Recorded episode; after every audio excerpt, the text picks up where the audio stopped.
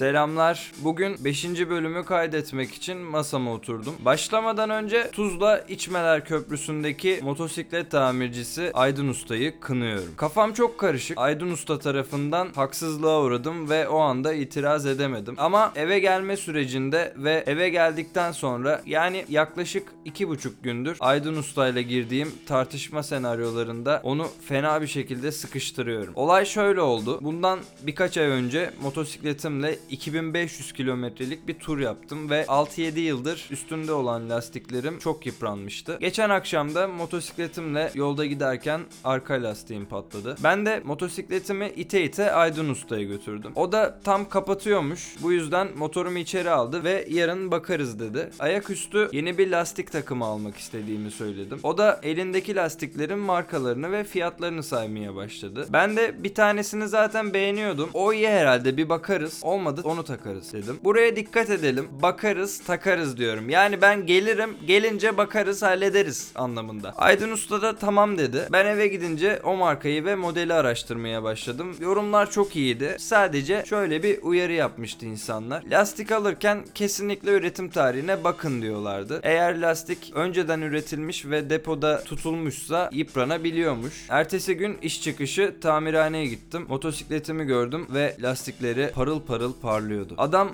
bana sormadan yeni lastikleri takmış. Beni görünce motorun hazır kardeşim dedi. Ben de ilk olarak ben sizin kardeşiniz değilim. Lütfen benimle bu şekilde konuşmayın ve neden bana sormadan lastiklerimi değiştirdiğinizi açıklayın demek istedim. Ama o anda elinize sağlık abi dedim. Aydın Usta diğer müşterilere bakarken ben de ona sitemimi belli etmek için şöyle bir şey dedim. Ya bu internette okudum. Lastik alırken üretim tarihine bakın diyorlar. Hani uygun koşullarda tutulmuyorsa yıpranıyormuş lastikler. Hatta sonrasında ona önceki gün YouTube'da izlediğim videodan hatırladığım kadarıyla yüksek basınç, lastik hamuru tabirlerini kullanarak bir şeyler anlattım. Video Videoyu çok iyi hatırlayamadığım için anlatırken çok durakladım ve bazı yerlerde kekeledim. Aslında problemimi daha kısa açıklayabilirdim. Abi neden bana sormadan lastiğimi taktın diye. Ama Aydın Usta zeki bir adam olsa gerek. Bir şeyler ima ettiğimi anlamış olacak ki elindeki anahtarı biraz sertçe tezgaha bıraktı ve bana uzun uzun bakmaya başladı. Bakışları bana eğer bu lastikleri geri sök dersem o anahtarı benim üstümde kullanacağını açıklamasına yetiyordu. Bir süre bakıştık öyle. Sonra sessizliği diğer müşterilerden biri bozdu. Trabzon şivesiyle Kardeşim motosiklete biniyorsun la. Bu kadar ayrıntılı düşünme la. Mercedes mi bu abi gibi hayatımda duyduğum en salak cümleyi kurdu. Ben de ilk olarak ben senin kardeşin değilim ve bu konu seni hiç ilgilendirmiyor amına kodumun keli demek istedim. Ama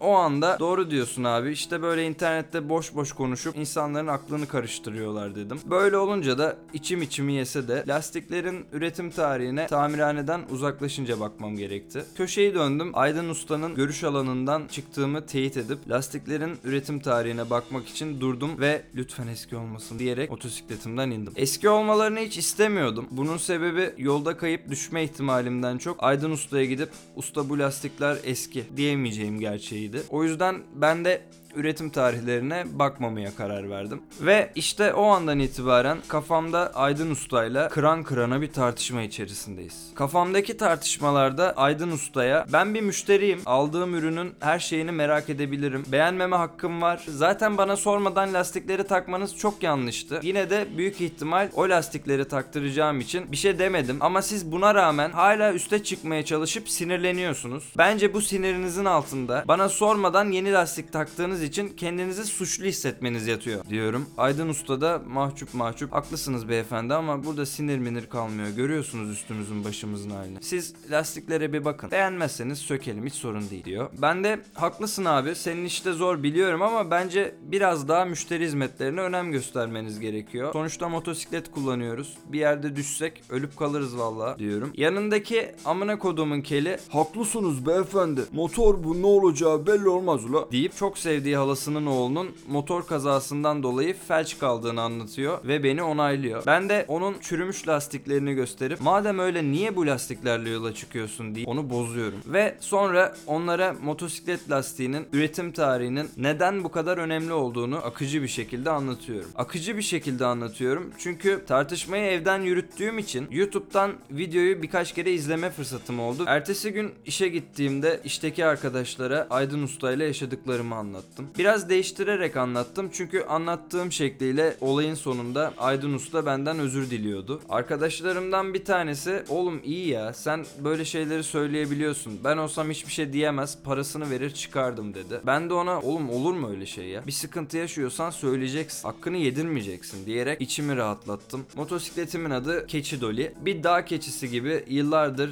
dağ tepe bana yoldaşlık ettiği için ona keçi lakabını taktım. Ve ilk klonlanan hayvan olan Dolly'den dolayı da ona Dolly adını verdim. Dolly bir keçi değil koyundu biliyorum. Ama motosikletim de ne bir keçi ne bir koyundu zaten.